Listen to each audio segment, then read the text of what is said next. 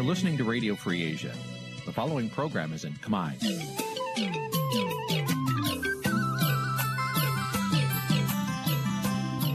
នេះជាកម្មវិធីផ្សាយ Vuthu Azizi Serai នេះជាកម្មវិធីផ្សាយរបស់ Vuthu Azizi Serai ជាភាសាខ្មែរ Vuthu Azizi Serai សូមស្វាគមន៍លោកអ្នកនាងទាំងអស់ពីរដ្ឋធានី Washington នៃសហរដ្ឋអាមេរិក ចាប់ផ្សាយផ្ទាល់ពីរដ្ឋធានី Washington នាងខ្ញុំសុកជីវីសូមជម្រាបសួរលោកនាងកញ្ញាដែលកំពុងតាមដានការផ្សាយរបស់ Vuthu Azizi Serai ទាំងអស់ជាទីមេត្រីចា៎យើងខ្ញុំសូមជូនកម្មវិធីផ្សាយសម្រាប់យប់ថ្ងៃអាទិត្យ500ខែពុត្របុត្រឆ្នាំឆ្លូវត្រីស័កពុរសករាជ2565ចាប់ត្រូវនៅថ្ងៃទី26ខែកញ្ញាគ្រិស្តសករាជ2021ចាជាដំបូងនេះសូមអញ្ជើញលោកអ្នកនាងស្ដាប់ព័ត៌មានប្រចាំថ្ងៃដែលមានមេត្តាដូចតទៅ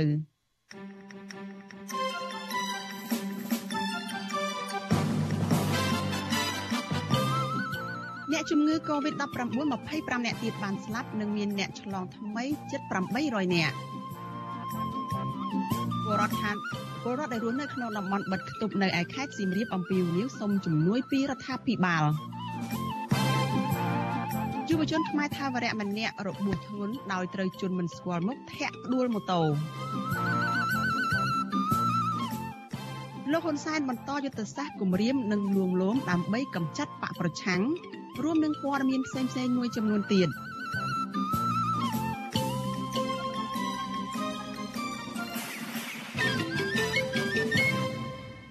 ជាបន្តទៅទៀតនេះនាងខ្ញុំសុជីវីសូមជូនព័ត៌មានទាំងនេះពិស្ដាចលនានាងជាទីមេត្រីតកតងនឹងការឆ្លងរាលដាលជំងឺ Covid-19 អ្នកស្លាប់ដោយសារជំងឺ Covid-19 និងអ្នកឆ្លងថ្មី កំពុងតែកើនឡើងវិញនៅក្នុងឱកាសពិធីបុណ្យកាន់បិណ្ឌនេះ ចាក្រសួងសុខាភិបាលប្រកាសនៅថ្ងៃទី26ខែកញ្ញាថាអ្នកជំងឺ Covid-19 ចំនួន25អ្នកទៀតបានស្លាប់ដែលធ្វើឲ្យករណីអ្នកស្លាប់ដោយសារជំងឺនេះកើនឡើងដល់ជាង2200អ្នកហើយចាស់ចំពោះករណីឆ្លងថ្មីវិញគឺមានជាង800អ្នកនៅក្នុងថ្ងៃដដែលនេះក្នុងនោះ98អ្នកគឺជាករណីដែលនាំចូលពីក្រៅប្រទេសចាស់គិតត្រឹមព្រឹកថ្ងៃទី26ខែកញ្ញា កម្ពុជាមានអ្នកកើតជំងឺ Covid-19 ជាង190,000នាក់ក្នុងនោះអ្នកជាសះស្បើយមានប្រមាណ100,000នាក់ក្រសួងសុខាភិបាលប្រកាសថាគិតត្រឹមថ្ងៃទី25ខែកញ្ញាម្សិលមិញរដ្ឋាភិបាលចាក់វ៉ាក់សាំងជូនពលរដ្ឋបានជាង9លាន8សែននាក់នៅក្នុងចំណោមអ្នកដែលត្រូវចាក់សរុប10លាននាក់ចំណែកកុមារនិងយុវជនដែលមានអាយុចន្លោះពី9ទៅដល់17ឆ្នាំវិញក្រសួងប្រកាសថាបានចាក់វ៉ាក់សាំងនោះបានសរុបជាង3លាននាក់ នៅក្នុងចំណោមអ្នកដែលត្រូវចាក់សរុបជិត4លាននាក់ទោះជាយ៉ាងណាចំនួនអ្នកស្លាប់និងអ្នកឆ្លងជំងឺ Covid-19 នៅតែស្ថិតនៅកម្រិតខ្ពស់នៅឡើយដោយក្នុងមួយថ្ងៃមានចន្លោះពីជាង600នាក់ទៅជាង800នាក់រីឯអ្នកស្លាប់វិញគឺមានចន្លោះពីជាង10នាក់ទៅ20នាក់នៅក្នុងមួយថ្ងៃទន្ទឹមគ្នានេះការបិទគប់ស្រុកនៅតែកើតមានជាហូរហែទាំងនៅរាជធានីភ្នំពេញនិងតាមបណ្ដាខេត្តនានាព្រមទាំងមិនអនុញ្ញាតឲ្យប្រជាពលរដ្ឋ ប្រារព្ធពិធីបុណ្យកាន់បិណ្ឌនិងភ្ជុំបិណ្ឌផងនៅក្នុងកម្រិតណាមួយនោះឡើយ។ករណីនេះបណ្ដាលឲ្យប្រជាពលរដ្ឋមួយចំនួនរិះគន់ថា ការចាក់វ៉ាក់សាំងនោះគឺពុំមានប្រសិទ្ធភាព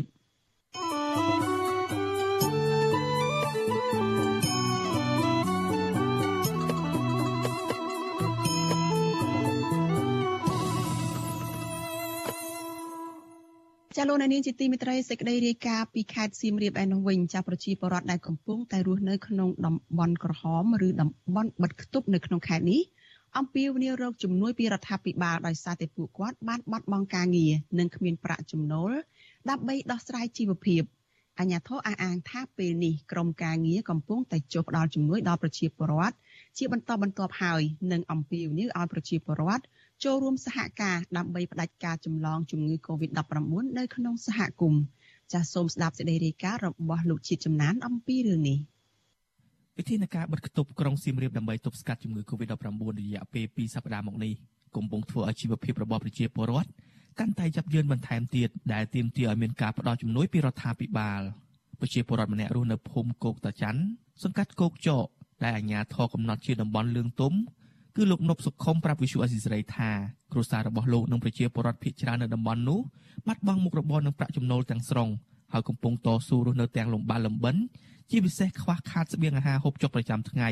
និងប្រាក់សងធនាគារលោកឲ្យដឹងថាអាញាធរមូលដ្ឋានក៏បានផ្ដល់ជំនួយខ្លះដែរប៉ុន្តែមិនគ្រប់គ្រាន់ឡើយព្រោះមានតែអង្គខ្វះម្ហូបនិងគ្មានលុយ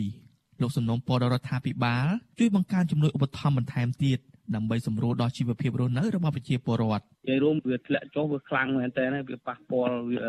គោះថានិស័យប៉ុន្តែគេថាធ្វើម៉េចអាហ្នឹងវាជារឿងមួយដោយថាអកុសលក្នុងខេត្តសៀមរាបរបស់យើងហ្នឹងវាទទួលការប៉ះពាល់ខ្លាំងអញ្ចឹងណាបងពេលអញ្ចឹងយើងចេះតែទ្រាំទៅធ្វើម៉េចវាថាមានខ្លះហូបខ្លះហើយយើងអត់ខ្លះហូបខ្លះអញ្ចឹងទៅបាទវាមិនថាបបោទេអ្នកជាពាក់អង្គការហ្នឹងក៏ចេះជាពាក់ទៅសុំវិជាខ្លះអីចឹងទៅបាទធ្វើម៉េចអង្គការក៏គេអនុគ្រោះកន្លែងហ្នឹងឃើញការប៉ះពាល់យើងវាផ្នែកសេដ្ឋកិច្ចទាំងមូលរបស់យើងហ្នឹងវាត្រូវធ្លាក់ចុះទាំងស្រុងហ្មងបងពលរដ្ឋរស់នៅសង្កាត់គោកចកម្នាក់ទៀតលោកយឹមសុកណារៀបរាប់ថាវិធានការបិទគប់របស់អាជ្ញាធរលើកនេះហាក់ដូចជាតឹងរឹងជាងមុនដោយមិនអនុញ្ញាតឲ្យពលរដ្ឋធ្វើដំណើរចេញពីផ្ទះឡើយហើយការលក់ដូរក៏ត្រូវបានហាមឃាត់លោកបន្តថាការរឹតបន្តឹងបែបនេះធ្វើឲ្យអ្នកលក់ដូរមួយចំនួនឆ្លៀតឱកាសលក់ម្ហូបអាហារក្នុងតម្លៃថ្លៃទ្វេដងហើយពិបាករកទិញថែមទៀតដែលធ្វើឲ្យប៉ះពាល់ធ្ងន់ធ្ងរដល់ជីវភាពរបស់ពលរដ្ឋក្នុងតំបន់ក្រហម ពលរដ្ឋរូបនេះបន្ថែមថាចាប់តាំងពីអាញាធរបិទគប់មកគ្រួសាររបស់លោកទទួលបានថ្នាំពេទ្យពីបន្ទះពីអាញាធរប៉ុន្តែមិនទាន់ទទួលបានជំនួយជាអង្គនិងម្ហូបអាហារនៅឡើយទេ តកតងនឹងការស្នើទៅខាងអាជ្ញាធរមូលដ្ឋានហើយនឹងរដ្ឋាភិបាលទី1សូមពជានៃការបងថ្លៃចាក់ថ្លៃភ្លើងបានមួយខែទៅពីរខែទៅទី2សូមឲ្យគាត់រៀងបធូរតកតងនឹងសេរីភាពនៃការដើរហើរនៅក្នុងតំបន់បន្តិចទី3ស្នើសុំមកខាងអាជ្ញាធរនឹងកុំលក់ទំនិញមួយចំនួននឹងឡើងថ្លៃពេកអញ្ចឹងធ្វើឲ្យពលរដ្ឋដែលគាត់រស់នៅក្នុងតំបន់ក្រហមនឹងគឺគាត់ខ្វះថវិកាហើយណាមួយពិបាករកទិញទៀតមកគាត់មានលក់ក្រៅពីខាងអាជ្ញាធរមូលដ្ឋានឬមួយក៏ខាងខេត្តគេរៀបចំឲ្យលក់អញ្ចឹងយើងទៅរកទិញគឺវាមានតម្លៃថ្លៃស្នើសូមទៅរដ្ឋាភិបាលជួយបន្ថែមដូចជាអង្គមកផ្ទះ10 20គីឡូឬមួយក៏រងាតពងទាសាច់ក្រកក៏បានដែរអានឹងជាការស្នើសុំរបស់ពលរដ្ឋដែលកាត់ខ្វះខាតនៅក្នុងដែលរស់នៅក្នុងតំបន់ក្រហមព្រោះយើងដឹងហើយការទៀមរៀបយើងគឺប៉ះពាល់ខ្លាំងមែនទែនរដ្ឋបាលខេត្តសៀមរាបបានបិទគប់ក្រុងសៀមរាបនិងហាមធ្វើដំណើរចេញចូលចាប់តាំងពីថ្ងៃទី11ខែកញ្ញាមកដើម្បីទប់ស្កាត់ការចម្លងជំងឺ Covid-19 នៅក្នុងសហគមន៍គិតត្រឹមថ្ងៃទី26ខែកញ្ញា តំបន់មួយចំនួនមិនទាន់ធូរស្រាលនៅឡើយទេដោយអាជ្ញាធរបន្តដាក់ជាតំបន់លឿងទុំនិងតំបន់ក្រហមដដែលចៅសង្កាត់គោកចកលោកទឹកឌីរ៉ាថ្លែងថាអាជ្ញាធរពាក់ព័ន្ធកំពុងយកចិត្តទុកដាក់ខ្ពស់ជួយប្រជាពលរដ្ឋដោយជំហានទី1អាជ្ញាធរបានផ្ដល់ជំនួយដល់ប្រជាពលរដ្ឋដែលមានបានក្រីក្រហើយជំហានបន្ទាប់គឺអាជ្ញាធរកំពុងសហការជាមួយក្រុមយុវជនចុះផ្ដល់ជំនួយដល់ប្រជាពលរដ្ឋនៅតាមមុខផ្ទះជាបន្តបន្ទាប់តងតំបន់ក្រហមឋានភាពតំបន់ក្រហមថាត្រូវធ្វើយ៉ាងម៉េចអញ្ចឹងវាត្រូវការបិទគប់មិនឲ្យចេញដើរឆ្វេងឆ្វាយទេអញ្ចឹងការលួចលក់បាទលួចលក់វត្តវែងនឹងគិតចេញលួចលក់ហ្នឹងអញ្ចឹងគិតលក់តម្លៃខ្ពស់បាទអញ្ចឹងពួកយើងអាជ្ញាធរនេះកំពុងតែហាមឃាត់មិនឲ្យលក់ទេពួកយើងមានអ្នកដែលលក់ដោយតម្លៃមិនយកតម្លៃតាមសមុទ្រសេរីទេគឺតម្លៃដោយមន្ទីរពាណិជ្ជកម្មគាត់បានកំណត់តម្លៃតម្លៃដើមបាទមិនឲ្យលក់ឆ្វេងឆ្វាយហ្នឹងទេចាបាទអញ្ចឹងអាតាលក់ដែលថ្លៃហ្នឹងដោយសារអ្នកលួចលក់ទេហើយគាត់ដើរលួចលក់ហ្នឹងដែលពួកយើងកំពុងតែតាមបើមាញ់គាត់មិនឲ្យគាត់ចូលលក់ព្រោះកាលណាលក់ទៅវាផលប៉ះពាល់ទៅលើប្រជាពលរដ្ឋដែលកំពុងបញ្ហាហ្នឹងទោះជាយ៉ាងណាមន្ត្រីសមាគមការពារសិទ្ធិមនុស្សអាត់ហុកប្រចាំខេត្តសៀមរាបលោកស៊ូណារិនដែលកំពុងរស់នៅក្នុងតំបន់ក្រហមដែរនោះទទួលស្គាល់ថាប្រជាពលរដ្ឋរស់នៅតំបន់មួយចំនួនពិតជាមិនទាន់ទទួលបានជំនួយដូចជាស្បៀងអាហារនិងថ្នាំពេទ្យពីអាជ្ញាធរនៅឡើយហើយតម្លៃម្ហូបអាហារពិតជាឡើងថ្លៃខ្ពស់លោកជំរុញឲ្យអាជ្ញាធរយកចិត្តទុកដាក់បន្ថែមទៀត ខ្ញុំគិតថាអាញាធរមុននឹងបិទនឹងត្រូវតែគិតពីហានិភ័យសម្រាប់ផ្ដល់ស្បៀងអីនឹងទុកឲ្យហើយលោកចង់បិទមួយខែក៏បានដែរប៉ុន្តែលោកត្រូវត្រៀមស្បៀងត្រៀមអាហារនឹងសម្រាប់ចែកជូនពលរដ្ឋដែលនៅតំបន់ក្រហមបាទពួកគាត់លំបាកណាស់ចេញពីផ្ទះអត់បានអញ្ចឹងណាអញ្ចឹងវាជាការពិតយើងអត់និយាយការពារទេជាការពិតគឺជាពលរដ្ឋអូនតែគ្រប់គ្នាបីត្បិតតែគាត់មានលុយទិញមែនតែគាត់ពិបាកក្នុងការចេញទៅក្រៅ កន្លងមកប្រជាពលរដ្ឋតែងតែរិះគន់រដ្ឋាភិបាលតាក់ទងនឹងការផ្ដល់ជំនួយយឺតយ៉ាវនិងមិនបានគ្រប់គ្រាន់ដល់ប្រជាពលរដ្ឋរស់នៅក្នុងតំបន់បិទគប់រហូតពលរដ្ឋនៅកន្លែងខ្លះបាននាំគ្នាផ្ទុះការតវ៉ាទៀតផងទើបអាជ្ញាធរយកជំនួយជូនពលរដ្ឋលើពីនេះប្រជាពលរដ្ឋមួយចំនួនក៏ខកចិត្តចំពោះលោកហ៊ុនសែនដែរដែលចំណាយលុយដ៏ច្រើនសន្ធឹកសន្ធាប់ជួក្រុមហ៊ុនបញ្ចុះបញ្ចូលឬ lobby នៅអាមេរិកដើម្បីជួយលុបលាងកេរ្តិ៍ឈ្មោះអាក្រក់របស់ខ្លួន និងផ្ដល់ជំនួយដល់ប្រទេសមួយចំនួនដើម្បីទប់ស្កាត់ COVID-19 តែប្រទេសខ្លះនោះមានសេដ្ឋកិច្ចល្អជាងកម្ពុជាផងក្នុងគ្រាដែលពលរដ្ឋកម្ពុជាខ្លួនឯងកំពុងរងចាំជំនួយជាបន្ទាន់នោះខ្ញុំបាទជាចំណាន Visual Assisray ពីរដ្ឋធានី Washington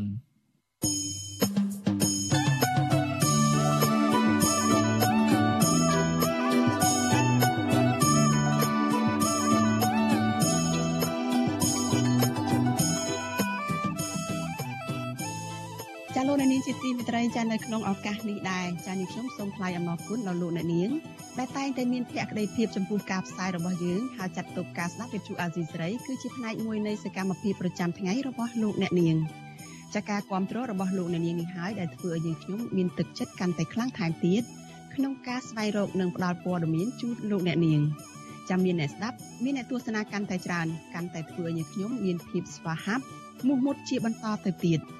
ចាយើងខ្ញុំសូមអរគុណលោកអ្នកនាងទុកជាមុនហើយសូមអញ្ជើញលោកអ្នកនាងចូលរួមជំរុញសកម្មភាពផ្សាយព័ត៌មានរបស់យើងនេះឲ្យកាន់តែមានភាពជោគជ័យបន្ថែមទៀតចាលោកអ្នកនាងអាចជួយយើងខ្ញុំបានដោយគ្រាន់តែចុចចែករំលែកឬក៏ share ការផ្សាយរបស់យើងនៅតាមបណ្ដាញសង្គម Facebook និង YouTube ចាទៅកាន់មិត្តភ័ក្តិរបស់លោកអ្នកនាងដើម្បីឲ្យការផ្សាយរបស់យើងនេះបានទៅដល់មនុស្សកាន់តែច្រើន។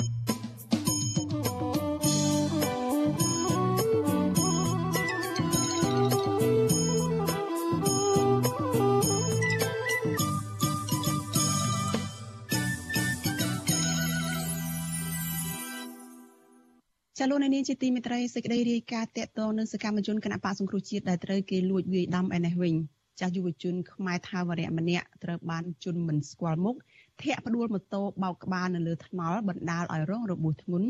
នៅតាមដងផ្លូវក្នុងរាជធានីភ្នំពេញចានៅថ្ងៃទី26ខែកញ្ញានេះក្រមសង្គមស៊ីវិលជំរុញឲ្យសមត្ថកិច្ចពាក់ព័ន្ធស្រាវជ្រាវនិងស៊ើបអង្កេតស្វែងរកជនល្មើសយកមកផ្ដន់ទាទោសតាមផ្លូវច្បាប់ឲ្យបានច្បាស់លាស់ ដើម្បីបង្កើនជំនឿចិត្តជូនប្រជាពលរដ្ឋចាសសូមស្ដាប់សេចក្តីរាយការណ៍របស់លោកមានរិទ្ធអំពីរឿងនេះយុវជនដែលសកម្មលើកិច្ចការងារសង្គមនិងធនធានធម្មជាតិមួយរូបគឺកញ្ញាតូចស្រីនិចត្រូវបានជន់មិនស្គាល់មុខមានគ្នា5នាក់ជិះម៉ូតូទំនើប4គ្រឿងបានធាក់ផ្ដួលម៉ូតូកញ្ញាបណ្ដាលឲ្យរងរបួសធ្ងន់នៅចំណុចផ្សារបឹងត្បែករាជធានីភ្នំពេញនៅព្រឹកថ្ងៃទី26ខែកញ្ញា កញ្ញាទៀមទាឲ្យអាជ្ញាធរពាក់ព័ន្ធវែកមកចាប់ជនដៃដល់យកមកទទួលខុសត្រូវជុំវិញករណីហិង្សានេះយុវជនខ្មែរថាវរៈកញ្ញាតូចស្រីនិចប្រវិសុយស៊ីស្រីថាករណីនេះបានធ្វើឲ្យកញ្ញាដួលបោកក្បាលទៅនឹងខ្នល់ដោយរងរបួសធ្ងន់នៅត្រង់ក្បាលនិងដៃជើងផ្នែកខាងស្ដាំក៏ប៉ុន្តែកញ្ញាមិនបានទៅមន្ទីរពេទ្យនោះទេដោយសារកញ្ញាគ្មានប្រាក់សម្រាប់ពិនិត្យនិងព្យាបាលរបួស យុវជនរូបនេះប្រាប់ថាកញ្ញានឹងដាក់ពាក្យបណ្ដឹងទៅអាជ្ញាធរមានសមត្ថកិច្ចនាពេលខាងមុខនេះដើម្បីចាប់ជនដៃដល់យកមកផ្ដន្ទាទោសតាមផ្លូវច្បាប់កញ្ញាតូចស្រីនិចព្រួយបារម្ភថាករណីនេះអាចពាក់ព័ន្ធនឹងរឿងធ្វើទុកបុកម្នេញនិងបំផិតបំភ័យយុវជនសង្គមព្រោះវាជាករណីតែមួយដោយករណីជនរងគ្រោះដែលជាសកម្មជនសង្គមនិងសកម្មជននយោបាយផ្សេងទៀតដែរ កញ្ញាអះអាងថាអំឡុងពេល4ថ្ងៃមុនពេលកើតហេតុនេះកញ្ញាសង្កេតឃើញមានជនមិនស្គាល់អត្តសញ្ញាណបានតាមដាននិងឃ្លាំមើលសកម្មភាពរបស់កញ្ញាជាបន្តបន្ទាប់ ហើយខ្ញុំមិនបំពេញចំពោះអ្នកណាម្នាក់ដែលធ្វើអាក្រក់ក៏ខ្ញុំអត់បំពេញខ្ញុំអត់មានទៅធ្វើអីគេគ្រាន់តែអ្វីដែលរងភាពអយុត្តិធម៌អ្វីមានការជឿចាប់ចេញពីចិត្តខ្ញុំខ្ញុំនឹងធ្វើបើខ្ញុំដាក់ចិត្តធ្វើខ្ញុំអត់ខ្លាចព្រោះខ្ញុំគិតថាខ្ញុំអត់ខុសខ្ញុំអត់បានទៅតិចជេរឬទៅប្រមាថអ្នកណាម្នាក់ខ្ញុំអត់បានធ្វើខ្ញុំធ្វើតាមក្តីស្រឡាញ់របស់ខ្ញុំហើយក្តីសម័យរបស់ខ្ញុំចង់ឲ្យប្រទេសរីកចម្រើនខ្ញុំមិនមែនយកមកធ្វើដើម្បីផលប្រយោជន៍ខ្លួនឯងណា ករណីនេះកើតមានឡើងបន្ទាប់ពីកញ្ញាផ្ដោតបទសម្ភារឲ្យវិសុវអាស៊ីស្រីកាលពីថ្ងៃទី24ខែកញ្ញាទាក់ទងទៅនឹងការរដ្ឋបិទនឹងការធ្វើទុកបុកម្នេញពីសំណាក់អាជ្ញាធររបបលោកហ៊ុនសែនមកលើសកម្មជនយុវជនសង្គមនិងសកម្មជនយុវជនបពប្រឆាំងដែលធ្វើឲ្យពួកគេមិនអាចចូលរួមកសាងនិងអភិវឌ្ឍសង្គមបាន ទោះយ៉ាងណាស្រីនេះបញ្ជាក់ថាបើទោះបីជាទទួលរងនៅអំពើហឹង្សានិងការតាមដានពីសំណាក់ជនមិនស្គាល់មុខឬអាជ្ញាធរក៏ដោយក៏កញ្ញានៅតែបដិញ្ញាចិត្តបន្តចូលរួមការពារផលប្រយោជន៍សង្គមដដែលវិសុយស៊ីស្រីមិនអាចតតងណែនាំពីអគ្គស្នងការដ្ឋាននគរបាលជាតិលោកឆៃកំខឿននិងណែនាំពីប៉ូលីសក្រុងភ្នំពេញលោកសានសុកសីហាដើម្បីសាកសួរពីការស៊ើបអង្កេតរឿងនេះបាននៅឡើយទេ នៅថ្ងៃទី26ខែកញ្ញា ដោយទូរស័ព្ទចូលតែពុំមានអ្នកទទួលក៏ប៉ុន្តែកន្លងមកករណីហិង្សាលើសកម្មជនសង្គមនិងគណៈបពប្រឆាំងសមាជិកតែងតែស្នើឲ្យជនរងគ្រោះដាក់ពីបណ្ដឹងសហការនឹងទុកចិត្តលើសមាជិកក៏ប៉ុន្តែជនរងគ្រោះអះអាងថាអាញាធរមិនដែលបង្ហាញលទ្ធផលឬភ័ស្តុតាងដែលអាចជឿទុកចិត្តបានតាក់ទងទៅនឹងដំណើរការស៊ើបអង្កេតដើម្បីស្វែងរកយុត្តិធម៌ដល់ជនរងគ្រោះនោះឡើយជុំវិញរឿងនេះប្រធានសមាគមការពារសិទ្ធិមនុស្សអាត6លោកនីសុខា មានប្រសាសន៍ថាពលរដ្ឋគ្រប់រូបមានសិទ្ធិទទួលបានសន្តិសុខសុវត្ថិភាពផ្ទាល់ខ្លួនស្របតាមច្បាប់និងគោលការណ៍សិទ្ធិមនុស្សហើយសមត្ថកិច្ចមានកាតព្វកិច្ចវែកមុខរកជនល្មើសយកមកផ្ដន្ទាទោសតាមផ្លូវច្បាប់ដើម្បីលុបបំបាត់មតិសង្ស័យលើការអនុវត្តច្បាប់លោកសង្កេតឃើញថាករណីបែបនេះតែងតែកើតមានឡើងទៅលើសកម្មជនសង្គមនិងសកម្មជនបពប្រឆាំងដែលអាចធ្វើឲ្យពួកគេព្រួយបារម្ភពីសុវត្ថិភាពផ្ទាល់ខ្លួន និងភ័យខ្លាចនៅក្នុងការចូលរួមកិច្ចការសង្គមជាបន្តទៀត លោកចាត់ទុកករណីហិង្សាទៅលើយុវជនខ្មែរថាវរៈនេះថាគឺជាអំពើរំលោភសិទ្ធិមនុស្សធ្ងន់ធ្ងរប្រសិនបើសមត្ថកិច្ចមិនបានស៊ើបអង្កេតរោគជនល្មើសយកមកផ្ដន្ទាទោសតាមផ្លូវច្បាប់ យើងឃើញថាមានប្រជាពលរដ្ឋយើងមួយចំនួនពិសេសក្រមមួយចំនួនដែលតែងតែតិជំទាស់ជាមួយនឹងរដ្ឋាភិបាលកន្លងមកនេះរួមមានទាំងសកម្មជនបពប្រឆាំងផងអីផងនេះគឺថាមានការលួចវាយឆ្មក់វាយដំទៅតាមបណ្ដាដងផ្លូវតាមអីហ្នឹងមិនដែលសមត្ថកិច្ចវេកមុខរកជនល្មើសឃើញទេអានេះជារឿងមួយដែលយើងគិតថាប៉ះសិនបើសមត្ថកិច្ចនៅតែបន្តមិនអាចរកវេកមុខរកជនល្មើសឃើញយកមកដាក់ទោសទណ្ឌទេអាហ្នឹងវាធ្វើឲ្យស្ថានភាពនៃបរិយាកាសសេរីនឹងនៅប្រទេសកម្ពុជានឹងវាមានបញ្ហាបាទធ្លាក់ចុះបាទក្រហមមកដល់ពេលនេះមានសកម្មជនសង្គមនិងសកម្មជនបពប្រឆាំងជាង30នាក់ហើយដែលត្រូវជន់មិនស្គាល់មុខបង្កអំពើហិង្សាបណ្ដាលឲ្យរងរបួសធ្ងន់ធ្ងរហើយជនរងគ្រោះខ្លះបានស្លាប់និងធ្លាក់ខ្លួនពីការអស់មួយជីវិតក៏មានករណីទាំងនោះច្រើនមានលក្ខណៈប្រហាក់ប្រហែលគ្នាគឺជនដៃដល់ជិះម៉ូតូពាក់មួកសុវត្ថិភាពលួចវាយជនរងគ្រោះពីខាងក្រោយខ្នងឬធាក់ផ្ដួលម៉ូតូ ហើយភ ieck ច្រើនបំផុតអាជ្ញាធរមិនបានចាប់ខ្លួនជនដៃដល់យកមកផ្ដន្ទាទោសនោះទេជនរងគ្រោះខ្លះមិនត្រឹមតែមិនទទួលបានយុត្តិធម៌នោះទេតែថែមទាំងត្រូវបានជនល្មើសលួចវាយប្រហារផ្ទួនផ្ទួនគ្នាពីរលើកហើយអ្នកខ្លះទៀតថែមទាំងត្រូវបានអាជ្ញាធររបបក្រុងភ្នំពេញចាប់ឃុំខ្លួនដាក់ក្នុងពន្ធនាគារទៀតផងក្រុមអង្គការជាតិនិងអន្តរជាតិរួមទាំងអង្គការសហជីវជាតិផង បានសម្ដែងក្តីព្រួយបារម្ភជាខ្លាំងចំពោះអំពើហិង្សាលើសកម្មជនសង្គមនិងសកម្មជនគណបកសង្គ្រោះជាតិជាញឹកញាប់នេះពួកគេចាត់ទុកករណីនេះថាគឺជាការធ្វើទុកបុកម្នេញទៅលើក្រុមអ្នកការពារសិទ្ធិមនុស្សនិងសកម្មជននយោបាយដែលត្រូវតែបញ្ឈប់ជាបន្ទាន់ខ្ញុំបានមេរិត Visual C ស្រីរាយការណ៍ពីរដ្ឋធានី Washington ចាលោកនាងជាទីមេត្រីតកតងនឹងរឿងនយោបាយឯនេះវិញ ចាអ្នកតាមដានស្ថានភាពនយោបាយនិងមន្ត្រីជាន់ខ្ពស់គណៈបកប្រឆាំងមើលឃើញថាមេដឹកនាំរបបឯកបកលោកហ៊ុនសែនកំពុងប្រើយុទ្ធសាស្ត្រក្តៅផងនិងត្រជាក់ផងដើម្បីកម្ចាត់សម្លេងគណៈបកសង្គ្រោះជាតិចាការវិតម្លៃបែបនេះគឺបន្ទាប់ពីលោកហ៊ុនសែនកាលពីពេលថ្មីថ្មីនេះបានថ្លែងសារនយោបាយនៅក្នុងន័យបំផិតបំភ័យនិងអូសទាញសមាជិកគណៈបកប្រឆាំង ប៉ុន្តែមន្ត្រីគណៈបកសង្គ្រោះប៉ុន្តែចំពោះមន្ត្រីគណៈបកកាន់អំណាចវិញបានឆ្លើយតបថាសាររបស់លោកហ៊ុនសែននេះគឺមានលក្ខណៈជាការសន្តោសប្រណីទៅវិញទេចាលោកនាងនឹងបានស្ដាប់សេចក្តីរាយការណ៍នេះពុស្ដានៅក្នុងការផ្សាយរបស់យើងនៅពេលបន្តិចទៀតនេះ thank you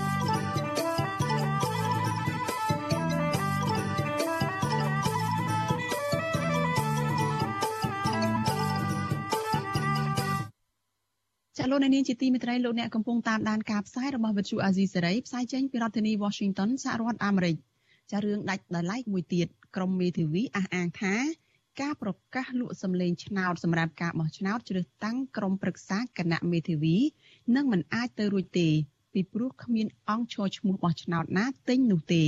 ការលើកឡើងនេះក្រោយពេលដែលគណៈមេធាវីបានប្រកាសថ្កោលទោសមេធាវីម្នាក់ ដែលបានប្រកាសលក់សម្លេងឆ្នោតសម្រាប់ការបោះឆ្នោតក្រុមប្រឹក្សាគណៈមេធាវីអាណត្តិទី10ខាងមុខនេះថាធ្វើឲ្យប៉ះពាល់ទៅដល់កិត្តិយសរបស់គណៈមេធាវីចាលោកមួងណារ៉េតរាយការណ៍ព័ត៌មាននេះសមាជិកគណៈមេធាវីកម្ពុជាយល់ថាការប្រកាសលក់សម្លេងឆ្នោតរបស់លោកមេធាវីផាន់ច័ន្ទសាគឺគ្រាន់តែជាការធ្វើលេងសើចនៅក្នុងបណ្ដាញសង្គម Telegram តែប៉ុណ្ណោះព្រោះអង្គឈរឈ្មោះបោះឆ្នោតមិនដឹងថាត្រូវការសម្លេងឆ្នោតមួយសម្លេងបែបនេះបានប្រយោជន៍អ្វីនោះទេ ប្រធានការិយាល័យច្បាប់សីឡានិងជាអតីតសមាជិកក្រុមប្រឹក្សាគណៈមេធាវីអាណត្តិទី7លោកជួងជងីចាត់ទុកការប្រកាសលក់សម្លេងឆ្នោតរបស់លោកមេធាវីផាន់ច័ន្ទសាថាជាការលេងសើចជាមួយមិត្តភ័ក្តិរួមអាជីពនៅក្នុងក្រុមមេធាវី ដែលមិនគួរណាគណៈមេធាវី ចាប់ទោសអូសដំណើរគាត់បែបនេះនោះទេ លោកបញ្យល់ថាអង្គឈរឈ្មោះបោះឆ្នោតម្នាក់ម្នាក់ត្រូវការសម្លេងឆ្នោតយ៉ាងហោចណាស់ជាង300សម្លេងដើម្បីជាប់ជាសមាជិកក្រុមប្រឹក្សាគណៈមេធាវីដូច្នេះពួកគេគ្មានលុយទិញសម្លេងឆ្នោតមួយសន្លឹកក្នុងតម្លៃ1000ដុល្លារនោះទេលោកមេធាវីរូបនេះបន្តទៀតថាក្រោយការបោះឆ្នោតជាប់ហើយនោះសមាជិកក្រុមប្រឹក្សានៃគណៈមេធាវីទាំងអស់មិនទទួលបានប្រាក់បៀវត្សឬអត្ថប្រយោជន៍អ្វីនោះទេ ផ្ទុយទៅវិញ ពួកគេត្រូវរវល់ប្រជុំរាល់សប្តាហ៍ដើម្បីដោះស្រាយបញ្ហារបស់គណៈមេធាវីបើទោះបីជាយ៉ាងនេះក្តីអតីតសមាជិកក្រុមប្រឹក្សាគណៈមេធាវីអាណត្តិទី7រូបនេះ អះអាងថាការឃោសនារោគសម្លេងឆ្នោត ដែលមានប្រសិទ្ធភាពទៅបាន គឺអាចកើតឡើងតាមរយៈរូបភាពនៃការជះលុយដែរគឺដូចជាមេធាវីដែលឈរឈ្មោះនោះមានលុយច្រើនរៀបចំកម្មវិធីជួបជុំជប់លៀងច្រៀងរាំដោយហៅអង្គបោះឆ្នោតមកចូលរួមដើម្បីតាក់ទាញរកការគ្រប់គ្រងលើសលប់ រូបភាពមិនប្រក្រតីបែបនេះទៅវិញទេដែលលោកមេធាវីរូបនេះជំរុញឲ្យគណៈមេធាវីកែសម្រួលដោះស្រាយដោយមិនត្រូវអនុញ្ញាតឲ្យអង្គបោះឆ្នោតនៅក្នុងគណៈមេធាវីបង្កើតកម្មវិធីជប់លៀងជាឯកជនដើម្បីរកសម្លេងឆ្នោតនោះទេ សមាជិកក្រុមប្រឹក្សាដែលទៅធ្វើការនោះអត់មានប្រាក់ខែអត់បានប្រយោជន៍អីទេគឺត្រូវចូលរួមអាចចូលរួមប្រជុំប្រចាំសប្តាហ៍មួយសប្តាហ៍ប្រជុំម្ដងដើម្បីដោះស្រាយបញ្ហាពាក់ព័ន្ធទៅនឹងគណៈមេធាវីទាំងមូលហ្នឹងអញ្ចឹងសួរថាបើគាត់លក់ស្លឹកស្រូវឬក៏អ្នកទិញមួយស្លឹក1000ដុល្លារចូលដើម្បីបាន300សម្លេងបានជាប់ឧបមាថា300សម្លេងជាប់ចោះអញ្ចឹងគាត់ត្រូវចាយលុយប្រហែលលានអញ្ចឹងវាមិនមែនជាការប៉ັດទេគឺគាត់និយាយលេងនៅក្នុងក្រុមមេធាវីមិត្តភក្តិនឹងឯង កាលពីថ្ងៃទី21ខែកញ្ញាគណៈមេធាវីកម្ពុជាបានចេញសេចក្តីថ្លែងការណ៍ថ្កោលទោសលោកមេធាវីផាន់ច័ន្ទស័កដែលប្រកាសលក់សម្លេងឆ្នោតរបស់លោកគណៈមេធាវីចាត់ទុកទង្វើបែបនេះថាជាអំពើបំពានក្រមសីលធម៌និងបំពានដល់ការឃោសនាបោះឆ្នោតនៃក្រុមប្រឹក្សាគណៈមេធាវីលោកផាន់ច័ន្ទស័កធ្លាប់ធ្វើជាមេធាវីម្នាក់ការពារក្តីឲ្យប្រធានគណៈបកសង្គ្រោះជាតិលោកកំសុខាមេធាវីរូបនេះកាលពីថ្ងៃទី18ខែកញ្ញា បានបង្ហោះសារនៅក្នុងក្រុមនៃបណ្ដាញសង្គម Telegram មតិមេធាវីកម្ពុជា ដែលមានមនុស្សប្រមាណជាង1000នាក់នៅក្នុងក្រុមនោះថាលោកចង់លក់សម្លេងឆ្នោតនៅក្នុងតម្លៃ1000ដុល្លារការនិយាយលក់សម្លេងឆ្នោតនេះធ្វើឡើងស្របពេលដែលបេក្ខជនឈរឈ្មោះបោះឆ្នោតកំពុងឃោសនារកសម្លេងឆ្នោត គណៈមេធាវីអះអាងថានេះគឺជាការបំពានលើក្រមសីលធម៌មេធាវីនិងធ្វើឲ្យប៉ះពាល់ធ្ងន់ធ្ងរដល់កិត្តិយសគេឈ្មោះនឹងសេចក្តីថ្លៃថ្នូររបស់គណៈមេធាវីនិងបេក្ខជនឈរឈ្មោះបោះឆ្នោតនិងសមាជិកសមាជិកានៃគណៈមេធាវីទាំងអស់គណៈមេធាវីអះអាងថាខ្លួនក៏នឹងមានវិធានការយ៉ាងតឹងរ៉ឹងចំពោះលោកមេធាវីផាន់ច័ន្ទស័កដែលបំពានក្រមសីលធម៌មេធាវីនេះដែរគិតមកត្រឹមថ្ងៃទី26ខែកញ្ញាគណៈមេធាវីនៅមិនទាន់មានវិធានការបន្ថែមអ្វីនោះទេ វិទ្យុអាស៊ីសេរីមិនទាន់អាចសុំការបញ្ជាក់បន្ថែមពីប្រធានគណៈមេធាវីលោកលីច័ន្ទដុល្លារបានទេនៅថ្ងៃទី26ខែកញ្ញាបើទោះបីជាយ៉ាងនេះក្តីលោកបានប្រាប់កាសែតក្នុងស្រុកថាក្រុមការងារអធិការកិច្ចនឹងក៏ហៅលោកមេធាវីផាន់ច័ន្ទស័កមកសាកសួរបំភ្លឺបន្ថែម នៅក្នុងករណីរកឃើញកំហុសចេតនាក្រុមប្រឹក្សាគណៈមេធាវីនឹងដាក់ទណ្ឌកម្មដូចជាដកហូតសិទ្ធិមិនឲ្យបោះឆ្នោតជ្រើសរើសក្រុមប្រឹក្សាគណៈមេធាវីឬការដកហូតសិទ្ធិមិនឲ្យឈរឈ្មោះឬការព្យួរមិនឲ្យប្រកបវិជ្ជាជីវៈនៅក្នុងរយៈពេលកំណត់ណាមួយឬអាចឈានដល់ការលុបឈ្មោះចេញពីបញ្ជីគណៈមេធាវីជាដើម។ វត្តជូអាស៊ីសេរីមិនអាចសុំការបញ្ជាក់ពីលោកមេធាវីផាន់ច័ន្ទស័កបានទេនៅថ្ងៃទី26ខែកញ្ញាដោយសារអ្នកលើកទូរស័ព្ទប្រាប់ថាជាជំនួយការនឹងបានចុចផ្ដាច់ទៅវិញបើទោះបីជាយ៉ាងនេះក្តីលោកផាន់ច័ន្ទស័កបានចែករំលែកព័ត៌មានតាមរយៈប្រព័ន្ធផ្សព្វផ្សាយនៅក្នុងស្រុកលើបណ្ដាញ Facebook ដោយបញ្ជាក់ថាលោកគ្រាន់តែនិយាយលេងសើចជាមួយមិត្តភ័ក្តិនៅក្នុងក្រុម Telegram តែប៉ុណ្ណោះ។ ប្រធានការិយាល័យមេធាវីអាស៊ីនិងជាសមាជិកក្រុមប្រឹក្សាគណៈមេធាវីលោកគង់សំអនជឿថាលោកមេធាវីផាន់ច័ន្ទស័កពិតជាលេងសើចមែនពេលដែលលោកនិយាយរឿងចង់លក់សម្លេងឆ្នោតនោះដែលគ្រាន់តែការលេងសើចនោះធ្វើខុសកលៈទេសៈពលគឺធ្វើចំពេលដែលមេធាវី កំពុងតែឃោសនារកសម្លេងឆ្នោតក្រុមប្រឹក្សាទើបមានការរិះគន់បែបនេះទោះជាយ៉ាងនេះក្តីមេធាវីជើងចាស់រូបនេះអះអាងថាអង្គបោះឆ្នោតនឹងមិនទិញសម្លេងឆ្នោតជាដាច់ខាត ខ្ញុំអាចមើលឃើញវាជាការលេងសើចមែនវាអាចជាការលេងសើចបើគាត់ថាការលេងសើចនេះវាខុសកលៈទេសៈខុសពេលវេលាខុសអាក្នុងកំឡុងពេលដែលគេកំពុងឃោសនាណាអញ្ចឹងទៅវាអាចធ្វើដូចជាទៅខ្លាយទៅជារឿងមែនដែរអញ្ចឹងគណៈមេធាវី បានអនុញ្ញាតឲ្យបេក្ខជនជាង100នាក់ឃោសនារកសម្លេងឆ្នោតចាប់ពីថ្ងៃទី15ខែកញ្ញាដល់ថ្ងៃទី14ខែតុលាដើម្បីស្វែងរកការគ្រប់គ្រងជ្រើសតាំងសមាជិកក្រុមប្រឹក្សាគណៈមេធាវីអាណត្តិទី10សម្រាប់ឆ្នាំ2021ដល់ឆ្នាំ2024 រយៈពេល1ខែនៃការឃោសនានេះក្រុមមេធាវីអាចប្រមូលផ្ដុំជួបជុំគ្នា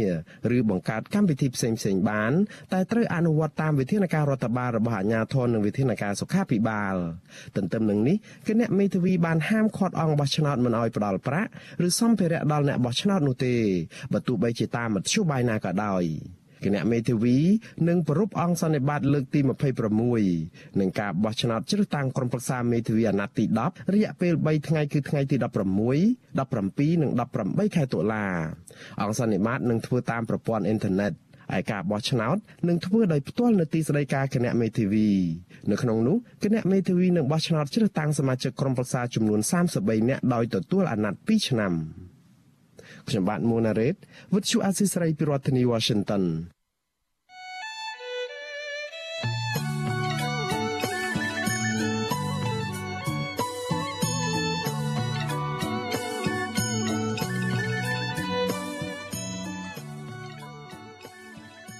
ចាលោកនាងជាទីមេត្រីលោកនាងក៏អាចស្ដាប់ការផ្សាយរបស់ Vithu Azizi Serai ដំណើរគ្នានឹងការផ្សាយតាមបណ្ដាញសង្គម Facebook និង YouTube នេះចាតាមរយៈ Vithu រលក ធាតុអាកាសខ្លីដែលមានកម្រិតនិងកម្ពស់ដូចតទៅនេះចាប់ពេលព្រឹកចាប់ពីម៉ោង5កន្លះដល់ម៉ោង6កន្លះតាមរយៈរលកធាតុអាកាសខ្លី13715 kHz ស្មើនឹងកម្ពស់ 22m ពេលយប់ចាប់ពីម៉ោង7កន្លះដល់ម៉ោង8កន្លះ តាមរយៈរលកធាតុអាកាសខ្លី9960 kHz ស្មើនឹងកម្ពស់ 30m និង11240 kHz ស្មើនឹងកម្ពស់ 25m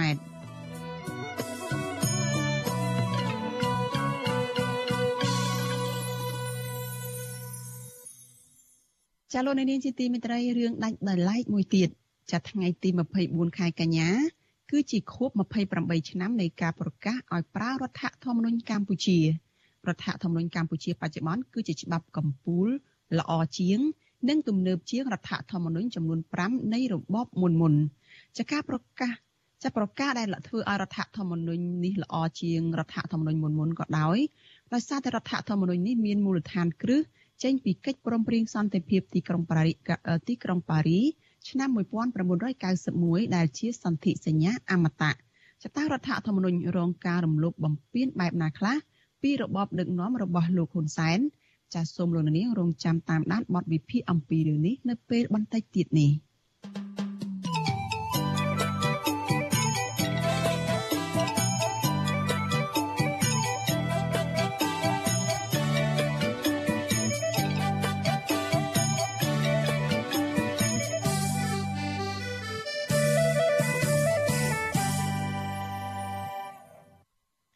ចាអ្នកតាមដានស្ថានភាពនយោបាយនិងមន្ត្រីជាន់ខ្ពស់គណៈបកប្រឆាំងមើលឃើញថាមេដឹកនាំរបបឯកបកលោកហ៊ុនសែនកំពុងតែប្រើយុទ្ធសាស្ត្រក្តៅផងនិងត្រជាក់ផងដើម្បីកម្ចាត់សម្លេងគណៈបកសង្គ្រោះជាតិចាការវិយតម្លៃបែបនេះគឺបន្ទាប់ពីលោកហ៊ុនសែនកាលពីពេលថ្មីថ្មីនេះបានថ្លែងសារនយោបាយនៅក្នុងន័យបំផិតបំភ័យនិងអូសទាញសមាជិកគណៈបកប្រឆាំងចាប៉ុន្តែមន្ត្រីជាន់ខ្ពស់របស់បកកាន់អំណាចបានឆ្លើយតបថា សាររបស់លោកហ៊ុនសែននេះគឺមានលក្ខណៈជាការសន្តោសប្រណីទៅវិញទេចាលោកមួងណារ៉េតមានសេចក្តីរាយការណ៍ដាច់ដライមួយទៀតអំពីរឿងនេះលោកនាយរដ្ឋមន្ត្រីហ៊ុនសែនហាក់មិនបានដកថយនោះទេក្នុងការតាមកម្ចាត់កម្លាំងគណៈបកសង្គ្រោះជាតិបើទោះបីជារបបលោកបានរំលាយគណៈបកនេះប្រមាណ4ឆ្នាំទៅហើយក្តីលោកនៅតែគម្រាមកំហែងនិងបន្តលួងលោមសមាជិកគណៈបកសង្គ្រោះជាតិឲ្យឈប់គ្រប់គ្រងឬឈប់ធ្វើសកម្មភាពជាមួយគណៈបកនេះតទៅទៀត។ អគ្គលេខាធិការសហព័ន្ធនិស្សិតបញ្ញវន្តកម្ពុជាលោកគៀនពន្លកសង្កេតឃើញថាលោកនាយរដ្ឋមន្ត្រីហ៊ុនសែនកំពុងប្រើយុទ្ធសាស្ត្រពីរក្នុងពេលតែមួយគឺការសម្លុតផង និងការលួងលោមផង ដើម្បីកម្ចាត់កម្លាំងគណៈបកប្រឆាំងដែលនៅសេសសល់លោកបន្តថាយុទ្ធសាស្ត្រទាំងពីរនេះត្រូវបានប្រើប្រាស់តាំងពីក្រោយការរំលាយគណៈបកសង្គ្រោះជាតិក៏ប៉ុន្តែហាក់មិនទទួលបានជោគជ័យនោះទេពីព្រោះសហគមន៍អន្តរជាតិនៅតែទទួលស្គាល់គណៈបកសង្គ្រោះជាតិហើយសកម្មជននិងពលរដ្ឋជាច្រើននៅតែគាំទ្រគណៈបកប្រឆាំងមួយនេះដដែលលោកគៀនពន្លកបន្ថែមថាដោយសារតែមិនទាន់ទទួលបានជោគជ័យដោយក្តីរំពឹងទុកបែបនេះហើយទើបលោកហ៊ុនសែននៅតែបន្តប្រើយុទ្ធសាស្ត្រគម្រាមកំហែងនិងលួងលោមសមាជិកគណៈបកប្រឆាំងមកដល់ពេលនេះ គណៈបកសង្គ្រោះជាតិស្វ័យត្បិតតែរូបរាងបានបាត់មែនក៏ប៉ុន្តែពលឹងសង្គ្រោះជាតិនៅតែមានជាក់ស្ដែងយើងមើលក្រមប្រសាគុំសង្កាត់ដែលជាប់ឆ្នោតជាង5000នាក់ហ្នឹងគឺប្រមាណជា10ឬក៏15%ទេដែលចុះចូលជាមួយនឹងគណៈបកប្រជាជនអញ្ចឹងយើងឃើញថាស្រមោលសង្គ្រោះជាតិនៅតែមានភាពរឹងមាំដែរអញ្ចឹងការសម្លុតគម្រាមកំហែងនេះគឺរដ្ឋាភិបាលនៅតែភ័យព្រួយពីប្រលឹងសង្គ្រោះជាតិនឹងអាចរស់ឡើងវិញនៅពេលណាមួយ ការវាយតម្លៃរបស់អ្នកតាមដានស្ថានភាពនយោបាយនេះធ្វើឡើងក្រោយពីលោកនាយរដ្ឋមន្ត្រីហ៊ុនសែនបន្តបញ្ចេញសារនយោបាយបែបគម្រាមកំហែងនិងលួងលោមសមាជិកគណៈបកប្រឆាំងលោកហ៊ុនសែនបានថ្លែងកាលពីថ្ងៃទី17ខែកញ្ញាថាលោកគ្មានផ្លូវចរចាជាមួយនឹងគណៈបកប្រឆាំងនោះទេលោកបញ្ជាក់ថាបញ្ហាអាទិភាពដែលលោកត្រូវដោះស្រាយនៅពេលនេះគឺវិបត្តិជំងឺ Covid-19 និងបញ្ហាសេដ្ឋកិច្ចសង្គមរីឯបញ្ហារបស់គណៈបកប្រឆាំងលោកទុកនៅតុលាការ ទន្ទឹមនឹងគ្នានេះលោកបានគម្រាមថាបើប្រជាពលរដ្ឋណាហ៊ានលើកឡើងឬក៏គាំទ្រចលនាឬក៏រដ្ឋាភិបាលបង្រួបបង្រួមជាតិដែលផ្ដួចផ្ដើមគំនិតដោយលោកសំរងស៊ីពលរដ្ឋរូបនោះត្រូវប្រឈមនឹងការចាប់ដាក់ពន្ធនាគារនិងការបាញ់សម្លាប់ក៏ប៉ុន្តែក្នុងពេលជាមួយគ្នានោះលោកហ៊ុនសែនក៏បានប្រកបប្រកាសជាថ្មីទៀតឲ្យសមាជិកគណៈបកប្រឆាំងវិលចូលស្រុកដើម្បីធ្វើនយោបាយវិញដែរពួកឯងនេះលំមនៅចូលអ៊ីស្រ័យណាណាដឹងខ្លួនមកមុនមកធ្វើបកនយោបាយទៅ បង្កើតបកនយោបាយទៅហើយរស់ស៊ីធម្មតាទៅអ្នកខ្លំមើលស្ថានភាពនយោបាយកម្ពុជា សង្កេតឃើញថាមេដឹកនាំរបបឯកបកលោកហ៊ុនសែនមានអារម្មណ៍មិនទៀងទាត់ទេ លោក Brad Adams នាយកប្រតិបត្តិនៃអង្គការឃ្លាំមើលសិទ្ធិមនុស្សអន្តរជាតិ Human Rights Watch ទទួលបន្ទុកកិច្ចការតំបន់អាស៊ីធ្លាប់និយាយថាលោកហ៊ុនសែនមានសតិផ្លូវចិត្តមិននឹងណទេពេលលោកអារម្មណ៍ល្អលោកថាសមាជិកគណៈបកប្រឆាំងចាញ់បោកនយោបាយថ្នាក់ដឹកនាំរបស់ពួកគេក៏ប៉ុន្តែនៅពេលដែលលោកក្តៅក្រហាយវិញលោកចាត់ទុកសមាជិកគណៈបកប្រឆាំងថាជាក្រុមក្បត់ជាតិដែលលោកត្រូវតែកម្ចាត់ចោល។ បើទោះបីជាយ៉ាងនេះក្តីមន្ត្រីជាន់ខ្ពស់និងជាអ្នកនាំពាក្យគណៈបកប្រជាជនកម្ពុជាលោកសុកអេសានថ្លែងការពីប្រសាសន៍របស់លោកនាយរដ្ឋមន្ត្រីហ៊ុនសែនថាជារឿងត្រឹមត្រូវនិងថារដ្ឋាភិបាលអនុវត្តទៅតាមគោលការណ៍ច្បាប់លោកច្រានចោលមតិដែលថាលោកនាយរដ្ឋមន្ត្រីហ៊ុនសែនកំពុងតែប្រើយុទ្ធសាស្ត្រគម្រាមកំហែងនិងលួងលោមសមាជិកគណៈបកប្រឆាំងលោកអះអាងថាការបើកផ្លូវឲ្យសមាជិកគណៈបកប្រឆាំងវិលចូលស្រុកដើម្បីធ្វើនយោបាយវិញនោះ គឺជានយោបាយសន្តោសប្រណីរបស់គណៈបកប្រជាជនកម្ពុជាបកត្រូវបានរំលាយចោលហើយទៅបង្កើតអង្គការចាត់តាំងណាមួយអានឹងវាជាក្រុមខុសច្បាប់ហើយហើយបើអ្នកធ្វើសកម្មភាពឲ្យក្រុមខុសច្បាប់អ្នកនោះក៏ខុសច្បាប់ដែរអញ្ចឹងបានសម្ដេចលើកលែងថាឥឡូវនេះអ្នកដែលរត់ទៅថៃទៅស្អីស្អីនឹងឲ្យមកចូលស្រុកវិញក៏ក៏ប៉ុន្តែលើមូលដ្ឋានកុំឲ្យធ្វើសកម្មភាពបំរើឲ្យក្រុមខុសច្បាប់តទៅទៀតដើម្បីកុំឲ្យខ្លួនឯងខុសច្បាប់ ផ្ទុយពីការអះអាងនេះមន្ត្រីជាន់ខ្ពស់គណៈបកសង្គ្រោះជាតិលោកអ៊ុំសំអានថ្លែងថាលោកហ៊ុនសែនបានបរាជ័យនៅក្នុងការបំបែកនិងអូសទាញសមាជិកគណៈបកប្រឆាំងលោកបន្តថាលោកហ៊ុនសែនដឹងច្បាស់ថាប្រជាពលរដ្ឋនៅតែគាំទ្រគណៈបកសង្គ្រោះជាតិ អតីតតំណាងរាជគណៈបកប្រឆាំងដែលលោកហ៊ុនសែនធ្លាប់ចាប់ដាក់ពន្ធនាគារជាច្រើនឆ្នាំដោយសារតែបញ្ចេញមតិរិះគន់បញ្ហាព្រំដែនកម្ពុជាវៀតណាមរូបនេះសង្កត់ធ្ងន់ថាបំណងធំបំផុតរបស់លោកហ៊ុនសែនគឺចង់ឲ្យគណៈបកសង្គ្រោះជាតិបែកបាក់គ្នារួចបើកផ្លូវឲ្យមន្ត្រីបកប្រឆាំងខ្លះរត់ទៅធ្វើបកនយោបាយដើម្បីចូលរួមលំអសួនប្រជាធិបតេយ្យនៅក្នុងការបោះឆ្នោតនាពេលខាងមុខខាងរដ្ឋាភិបាលលោកសែននឹងចង់របៀបលក្ខណៈបំបែកបំបាក់ ក្នុងចំណោមសកម្មជនដូចជាថ្នាក់ដឹកនាំបកបាសគូជាតិមើលថានរណាគេចង់បានផលប្រយោជន៍តខ្លួនដោយមិនគិតពីផលប្រយោជន៍ជាតិអាចទៅកំដរសួនប្រជាធិបតេយ្យតាមរយៈការបង្កើតគណៈបកទុយតែនៅកម្ពុជាទៅហើយសកម្មជនគណៈបកសង្គមជាតិមួយចំនួនដែលនៅសកម្មហ្នឹងគឺគាត់ចង់បំផិតបំភ័យរំបាក់ស្មារតីកុំឲ្យចូលរួមសកម្មភាពគណៈបកសង្គមជាតិជាពិសេសចូលរួមសកម្មភាពជាមួយថ្នាក់ដឹកនាំគណៈបកសង្គមជាតិនៅក្រៅប្រទេសណាក្នុងរយៈពេលប្រមាណឆ្នាំចុងក្រោយនេះ របបលោកហ៊ុនសែនបានបន្តការបង្ក្រាបទ្រង់ទ្រាយធំលើសមាជិកគណៈបកសង្គ្រោះជាតិដោយប្រើប្រាស់ប្រព័ន្ធតុលាការសកម្មជនគណៈបកប្រឆាំងរាប់រយនាក់ត្រូវបានចោទប្រកាន់និងចាប់ដាក់ពន្ធនាគារក្រោមបទចោទញុះញង់និងរួមគំនិតក្បត់ទាំងខ្វះមូលដ្ឋានច្បាប់ទន្ទឹមនឹងគ្នានេះអំពើហ ংস ាលើគ្រួសារនិងសមាជិកគណៈបកប្រឆាំងនៅក្នុងស្រុកបានកើតឡើងរាប់សិបករណីនៅក្នុងនោះស្ទើរតែគ្រប់ករណីអាជ្ញាធរមិនបានចាប់ខ្លួនជនដៃដល់មកដាក់ទោសនោះឡើយ បើទោះបីជាយ៉ាងនេះក្តីនៅក្នុងពេលជាមួយគ្នានេះសមាជិកគណៈបកប្រឆាំងដែលបានចោះចូលឬព្រមសុំសិទ្ធិធ្វើនយោបាយពីលោកហ៊ុនសែនពួកគេមិនប្រឈមទៅនឹងការធ្វើទុកបុកម្នេញទាំងនេះទេពួកគេខ្លះបានរួចផុតពីបទចោទប្រកាន់ខ្លះទទួលបានសិទ្ធិធ្វើនយោបាយហើយខ្លះទៀតបង្កើតបានជាគណៈបកនយោបាយថែមទៀតផង គិតមកត្រឹមចុងខែកញ្ញាឆ្នាំ2021គណៈបកដែលបង្កើតឡើងដោយអតីតមន្ត្រីជាន់ខ្ពស់គណៈបកសង្គ្រោះជាតិមានចំនួន6គណៈបកទៅហើយក្នុងនោះ4គណៈបកត្រូវបានក្រសួងមហាផ្ទៃចុះបញ្ជីទទួលស្គាល់ជាផ្លូវការបើទោះបីជាបែបនេះក្តីក្រុមអ្នកតាមដានស្ថានភាពនយោបាយមើលឃើញថាកម្លាំងគ្រប់គ្រងរបស់គណៈបកសង្គ្រោះជាតិនឹងមិនបាត់បង់ទៅណាឡើយពីព្រោះប្រជាពលរដ្ឋខ្មែរនៅតែចង់បានការផ្លាស់ប្ដូរ មូលហេតុសំខាន់នោះគឺដោយសារតែក្នុងរយៈពេល4ឆ្នាំនៃការគ្រប់គ្រងប្រទេសផ្ដាច់មុខរដ្ឋាភិបាលលោកហ៊ុនសែនមិនបានកែតម្រង់របៀបដឹកនាំរបស់ខ្លួននោះទេក៏ប៉ុន្តែបែរជាបង្កើតឲ្យមានករណីរំលោភសិទ្ធិប្រជាពលរដ្ឋអំពើពុករលួយនិងបញ្ហាអយុត្តិធម៌សង្គមចាក់ស្រេះទៅវិញ នៅក្នុងស្ថានភាពបែបនេះអ្នកខ្លំមើលស្ថានភាពជឿជាក់ថាបរបបលហ៊ុនសែន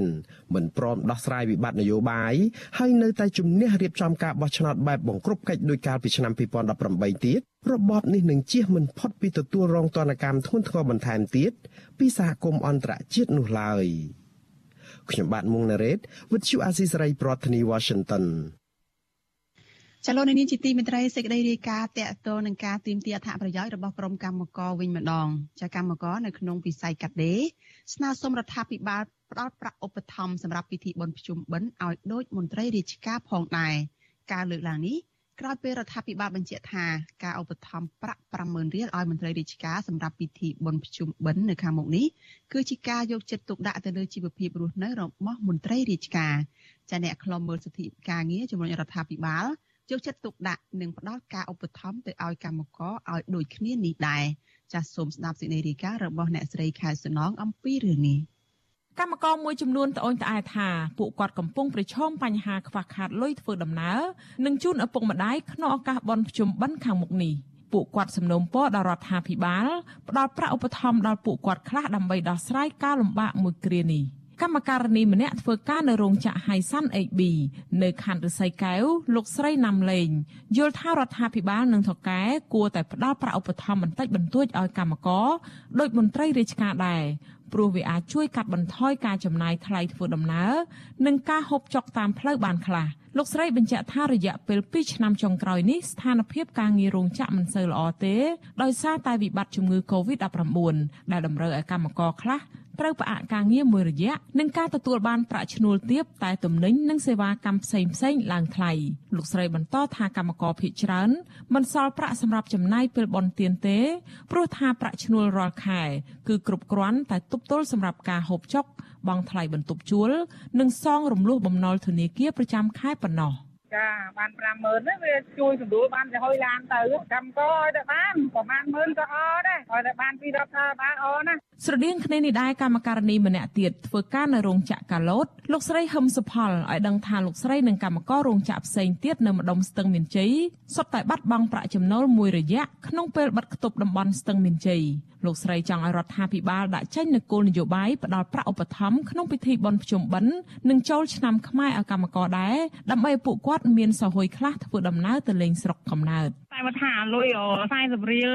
160000នោះឆ្លប់បានមែនបានមែនចាតែអារឿងហ្នឹងខ្ញុំនៅទៅបានច្បាស់ចឹងប៉ុន្តែឆ្លប់លឺខាងរោងចក្រផ្សេងដូចជាគេមានកម្មករឲ្យដឹងថាថៅកែរោងចក្រខ្លះនិងកម្មករខ្ចីប្រាក់ឈ្នួលពាក់កណ្ដាលមុនដើម្បីយកទៅចាយវាយនៅក្នុងឱកាសបុណ្យភ្ជុំបិណ្ឌខាងមុខតែប្រាក់នេះមិនមែនជាប្រាក់ឧបត្ថម្ភទេ គឺជាបំណុលសុទ្ធសាធដោយកម្មករត្រូវមកធ្វើការសងគេវិញ នៅឆ្នាំនេះរដ្ឋាភិបាលបានអនុញ្ញាតឲ្យកម្មករឈប់សម្រាកបន់ភ្ជុំបិណ្ឌរយៈពេល3ថ្ងៃហើយរោងចក្រខ្លះនឹងអនុញ្ញាតឲ្យកម្មករឈប់សម្រាក5ឬ6ថ្ងៃប៉ុន្តែក្រុមហ៊ុននឹងកាត់ថ្ងៃឈប់សម្រាកប្រចាំឆ្នាំរបស់កម្មករវិញកាលពីឆ្នាំមុនរដ្ឋាភិបាលបានតម្រូវឲ្យកម្មករធ្វើការនៅចំថ្ងៃបុណ្យភ្ជុំបិណ្ឌទាំង3ថ្ងៃនិងដាក់បំរាមបិទផ្លូវដើម្បីទប់ស្កាត់កុំឲ្យកម្មករទៅលេងស្រុកកំណើតព្រោះបារម្ភពីការឆ្លងរាលដាលជំងឺ Covid-19 នៅឆ្នាំនេះរដ្ឋាភិបាលមិនទាន់បានចេញបំរាមនេះឡើងវិញទេតែរដ្ឋាភិបាលបានដាក់បំរាមបិទវត្តទាំងអស់រួចហើយរដ្ឋាភិបាលបានសម្រេចផ្អាកប្រារព្ធពិធីកាន់បិណ្ឌនិងភ្ជុំបិណ្ឌចាប់ពីបិណ្ឌ4រហូតដល់ថ្ងៃភ្ជុំបិណ្ឌដើម្បីបង្ការការឆ្លងរាលដាលនៃជំងឺ Covid-19 ចាប់តាំងពីឆ្នាំ2016មករដ្ឋាភិបាលតែងតែផ្ដល់ប្រាក់ឧបត្ថម្ភចំនួន50,000រៀលឲ្យមន្ត្រីរាជការទាំងអស់សម្រាប់ពិធីបុណ្យជាតិធំធំ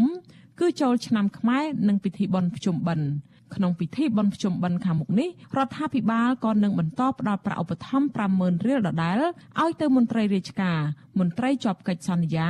និងមន្ត្រីចូលនិវត្តន៍សរុបទាំងអស់ប្រមាណ5សែននាក់ដែលនឹងត្រូវចំណាយថវិកាជាតិសរុបខ្ទង់8លានដុល្លារ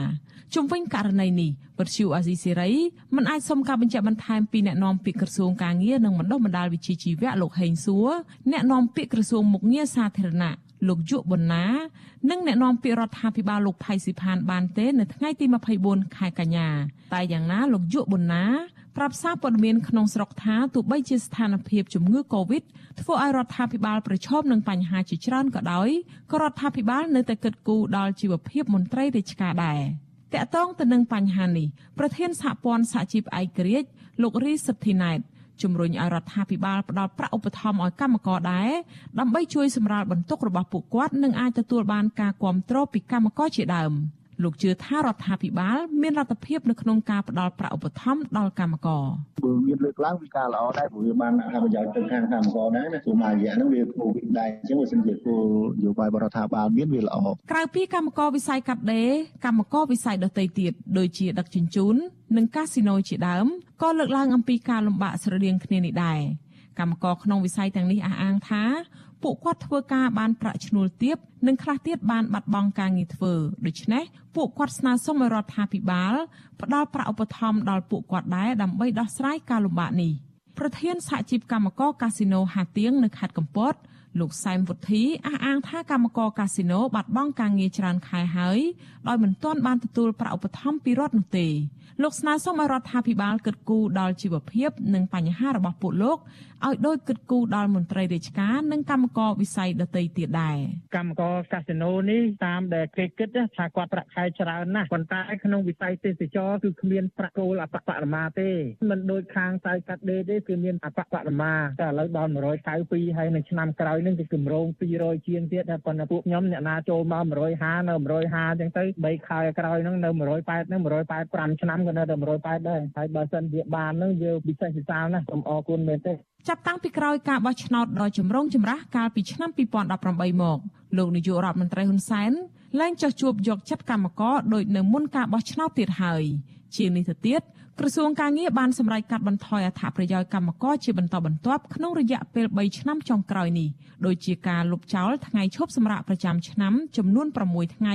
ចេញពីប្រតិទិនឈប់ប្រចាំឆ្នាំការលុបចោលថ្ងៃឈប់សងចំថ្ងៃអាទិត្យការកាត់បន្ថយប្រាក់ឈ្នួលកម្មករធ្វើការវេនយប់ឲ្យស្មើនឹងវេនថ្ងៃការអនុញ្ញាតឲ្យម្ចាស់រោងចក្រពន្យាពេលបើកប្រាក់បំណាច់អតីតភាពការងារអនុញ្ញាតឲ្យថកែមិនបាច់ទូទាត់ប្រាក់សំណងជំងឺចិត្ត និងប្រាក់ជួលដំណឹងជាមុននៅពេលបិទរោងចក្រព្រមទាំងការពន្យាពេលបើកប្រាក់ឈ្នួលឲ្យកម្មករក្រោមលេសជំងឺ Covid-19 ជាដើមចា៎នាងខ្ញុំខែសុណងវិទ្យុអាស៊ីសេរីរាយការណ៍ពីរដ្ឋធានី Washington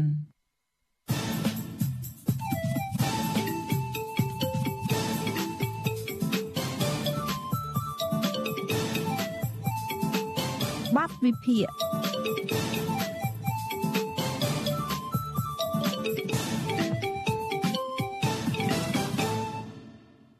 ចាលោកនាងជាទីមេត្រីថ្ងៃទី24ខែកញ្ញាគឺជាខួប28ឆ្នាំនៃការប្រកាសប្រើរដ្ឋធម្មនុញ្ញកម្ពុជារ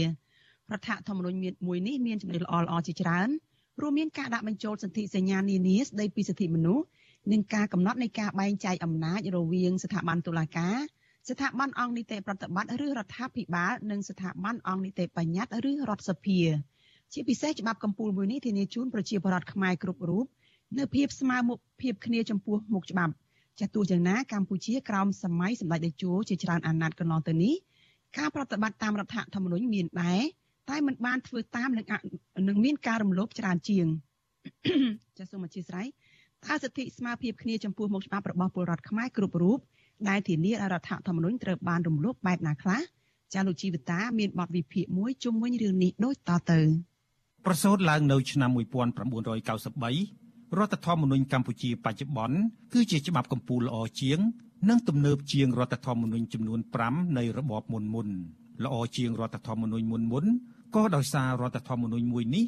មានមូលដ្ឋានគ្រឹះចេញមកពីកិច្ចព្រមព្រៀងសន្តិភាពទីក្រុងប៉ារីឆ្នាំ1991បើទោះជាត្រូវបានធ្វើវិសោធនកម្មជាច្រើនលើកក៏ដោយក៏រដ្ឋធម្មនុញ្ញមួយនេះនៅរក្សាខ្លឹមសារដើមសំខាន់សំខាន់ដដែលដូចជាកំណត់ប្រព័ន្ធគ្រប់គ្រងរដ្ឋ ត្រូវតែជាប្រព័ន្ធប្រជាធិបតេយ្យសេរីពហុបករបបសភាធានាសិទ្ធិមនុស្សគ្រប់គ្រងរដ្ឋដោយនីតិរដ្ឋរាជានិយមអាស្រ័យរដ្ឋធម្មនុញ្ញនិងត្រូវមានទីផ្សារសេរីជាប្រព័ន្ធសេដ្ឋកិច្ចជាដើមប៉ុន្តែការជាក់ស្ដែងវិញ ការបំពៀបំពៀននិងការមិនគោរពប្រតិបត្តិតាមរដ្ឋធម្មនុញ្ញមានច្រើនករណីច្បាប់មួយចំនួនទាក់ទងនឹងសិទ្ធិសេរីភាពរបស់ពលរដ្ឋមានអធម្មនុញ្ញភាពឬមិនស្របតាមស្មារតីនៃរដ្ឋធម្មនុញ្ញ ការបំពៀបំពៀនគោលការណ៍បែងចែកអំណាចរវាងស្ថាប័នកម្ពុជាទាំង3គឺតុលាការរដ្ឋាភិបាលនិងរដ្ឋសភាជាដើម ការរំលោភបញ្ញត្តិនានាដែលមានចែងក្នុងរដ្ឋធម្មនុញ្ញនេះហើយបណ្ដាលឲ្យស្ថាប័នរដ្ឋាភិបាលមានអំណាចច្រើនលើសលប់គ្របដណ្ដប់លើអំណាចតុលាការនិងអំណាចរដ្ឋសភាប្រការនេះបានធ្វើឲ្យបាត់បង់តុល្យភាពអំណាចនិងការត្រួតពិនិត្យគ្នា រវាងស្ថាប័នរដ្ឋកម្ពុជាទាំង3ជាផលវិបាកនោះ តុលាការនិងរដ្ឋសភាคล้ายជាស្ថាប័នរណបរដ្ឋាភិបាលផ្ទុយពីស្មារតីនៃរដ្ឋធម្មនុញ្ញរដ្ឋសភាត្រូវបានរដ្ឋាភិបាលប្រើប្រាស់ធ្វើច្បាប់អីឬស្នើច្បាប់អីក៏បាន ចង់បានម៉ោងណាក៏អនុម័តជូនបានទាំងអស់ចង់យកអា Express គឺអាលឿនបំផុតពី3ម៉ោងឲ្យហើយក៏បានដែរព្រោះតំណាងរាស្ត្រគ្រាន់តែមកជួបជុំគ្នា ហើយលើកដៃអនុម័តប៉ុណ្ណោះចំណែកតុលាការវិញ បានជួយរាជរដ្ឋាភិបាលយ៉ាងពេញទំហឹងក្នុងការចាប់មនុស្សដាក់គុកដោយមិនខ្វល់ពីការបំពីបំពីនលើសិទ្ធិសេរីភាពបញ្ចេញមតិដែលធានាដោយរដ្ឋធម្មនុញ្ញនោះទេបទចោទប្រកាន់ដើម្បីចាប់ខ្លួននោះគឺបទញុះញង់ដែលជាបទចោទដ៏ពេញនិយមរបស់ព្រាយអាញា ការចាប់ខ្លួននេះទៀតសោតបានរៀលដាលពីអ្នកនយោបាយអ្នកការពារភូកទ្របជាតិរហូតដល់កសិករពីព្រោះព្រាយអាញាក្រមយុគសម័យដេជោ មើលឃើញស្អីក៏ជាបទញុះញង់ដែរសូម្បីតែកសិករចិញ្ចឹមមាន់និយាយលេងថាលោកចង់ទិញម៉ាស់ឲ្យមាន់ពាក់កុំឲ្យពួកវាជ្រួលច្បល់ក៏ចាប់ដាក់គុកហើយកសិករផ្លែមៀននិយាយថាហេតុអ្វីបានជាអាជ្ញាធរមិនមកទិញផ្លែមៀនរបស់គាត់ដោយការសន្យាក៏ត្រូវចាប់ដាក់គុកដែរពលរដ្ឋខ្មែរទូទៅទំនងជាឆ្ងល់ថាហេតុអ្វីបានជារដ្ឋអំណាចញៀននឹងការចាប់មនុស្សម្លេះ ព្រោះសូម្បីតែការនិយាយស្ដីធម្មតាភាសាយ៉ាងសាមញ្ញរបស់កសិករបែបនេះក៏ចាប់ញាត់គុកដែរបញ្ហារំលោភរដ្ឋធម្មនុញ្ញមួយទៀតដែលខ្ញុំនឹងលើកយកមកជម្រាបជូនលម្អិតនៅក្នុងអត្ថបទនេះគឺសិទ្ធិស្មើគ្នានៅចំពោះមុខច្បាប់មាត្រា31នៃរដ្ឋធម្មនុញ្ញចែងថាប្រជាពលរដ្ឋខ្មែរមានភាពស្មើគ្នាចំពោះមុខច្បាប់ មានសិទ្ធិសេរីភាពនិងករណីយកិច្ចដូចគ្នាទាំងអស់ឥតមានការប្រកាន់ពូជសាសន៍ពណ៌សម្បុរភេទ ភាសាជំនឿសាសនានិន្នាការនយោបាយដើមកំណើតជាតិឋានៈសង្គមធនធានឬស្ថានភាពឯទៀតឡើយរយៈពេលជាច្រើនឆ្នាំចុងក្រោយនេះមាត្រា31នៃរដ្ឋធម្មនុញ្ញនេះកាន់តែរងការបំពៀបំពៀនឡើងអ្នកវិភាគនយោបាយនិងសង្គមបណ្ឌិតឡាវម៉ុងហៃក៏សម្គាល់ថាការរំលោភសិទ្ធិទាំងនេះបណ្ដាលឲ្យមានការបែងចែកសង្គមជាពីរគឺក្រុមមនុស្សវិសាមញ្ញ ឬមនុស្សពិសេសដែលនៅលើច្បាប់ និងក្រុមមនុស្សសាមញ្ញដែលនៅក្រោមច្បាប់ មានសំណុំរឿងជាច្រើនដែលបញ្ជាក់ថាការសង្កេតរបស់បណ្ឌិតឡាវម៉ុងហៃជាការពិតពលគឺអុកញ៉ាមហាសេដ្ឋីអ្នកមានអំណាច ឬញាតិមិត្តរបស់អ្នកមានអំណាច គឺជាក្រុមវិសាមញ្ញជាមនុស្សពិសេសដែលទទួលបានការយកចិត្តទុកដាក់ល្អប្រសើរពីរដ្ឋអំណាចជាក់ស្ដែង នៅពេលក្រុមមនុស្សវិសាមញ្ញទាំងនេះប្រព្រឹត្តល្មើសច្បាប់ តុលាការតែងបត់កាច់កោងមេត្រាច្បាប់ ដើម្បីជួយដល់ពួកគេឲ្យរួចពីការទទួលទោសទណ្ឌឬឲ្យទទួលទោសស្រាលឬទោសទណ្ឌជានិមិត្តរូបជាដើមឧទាហរណ៍សំណុំរឿងជួញដូរគ្រឿងញៀនរាប់សិបគីឡូក្រាមរបស់ម្ចាស់ក្លឹបកំសាន្តរ៉ុកគឺអុកញ៉ាមហាសេដ្ឋីគិតធៀងនៅដើមឆ្នាំ2019ការចាប់ខ្លួនអុកញ៉ាគិតធៀងដែលត្រូវជាបងប្រុសបង្កើតរបស់អុកញ៉ាគិតម៉េង ជាមហាសេដ្ឋីស្និទ្ធនឹងលោកនាយករដ្ឋមន្ត្រីហ៊ុនសែននេះធ្វើឲ្យសាធារណជនកោតសរសើរដល់អាញាធរកាន់តែល្អទៅទៀតនោះសាលាដំបងរាជធានីភ្នំពេញ នៅថ្ងៃទី20ខែមីនាឆ្នាំ2020បានចេញសារក្រមកាត់ទោសអុកញ៉ាគិតធៀងឲ្យជាប់ពន្ធនាគាររយៈពេល4ឆ្នាំពីបទចាត់ចែងសម្របសម្រួលឲ្យប្រើប្រាស់សារធាតុញៀននិងសំគំនិតពាក់ព័ន្ធករណីគ្រឿងញៀនជិត50គីឡូក្រាម។ ប៉ុន្តែពួកគេខកចិត្តទៅវិញ នៅពេលសាលាឧទ្ធរសម្រេចឲ្យអុកញ៉ាគិតធៀងមានសេរីភាពឡើងវិញសាលាឧទ្ធរដែលកម្រសម្រេចរបៀបនេះលើសំណុំរឿងអ្នកទោសមនសិការនោះកាលពីខែឧសភាឆ្នាំ2021បានកាត់ទោសតម្រឹមឲ្យអុកញ៉ាគិតធៀងអនុវត្តទោសត្រឹមតែ2ឆ្នាំរីឯទោសដែលនៅសល់2ឆ្នាំទៀតត្រូវព្យួរសំណុំរឿងរបស់អុកញ៉ាគិតធៀងមានបញ្ហាផ្លូវច្បាប់មួយចំនួន ដែលគួរលើកយកមកសិក្សា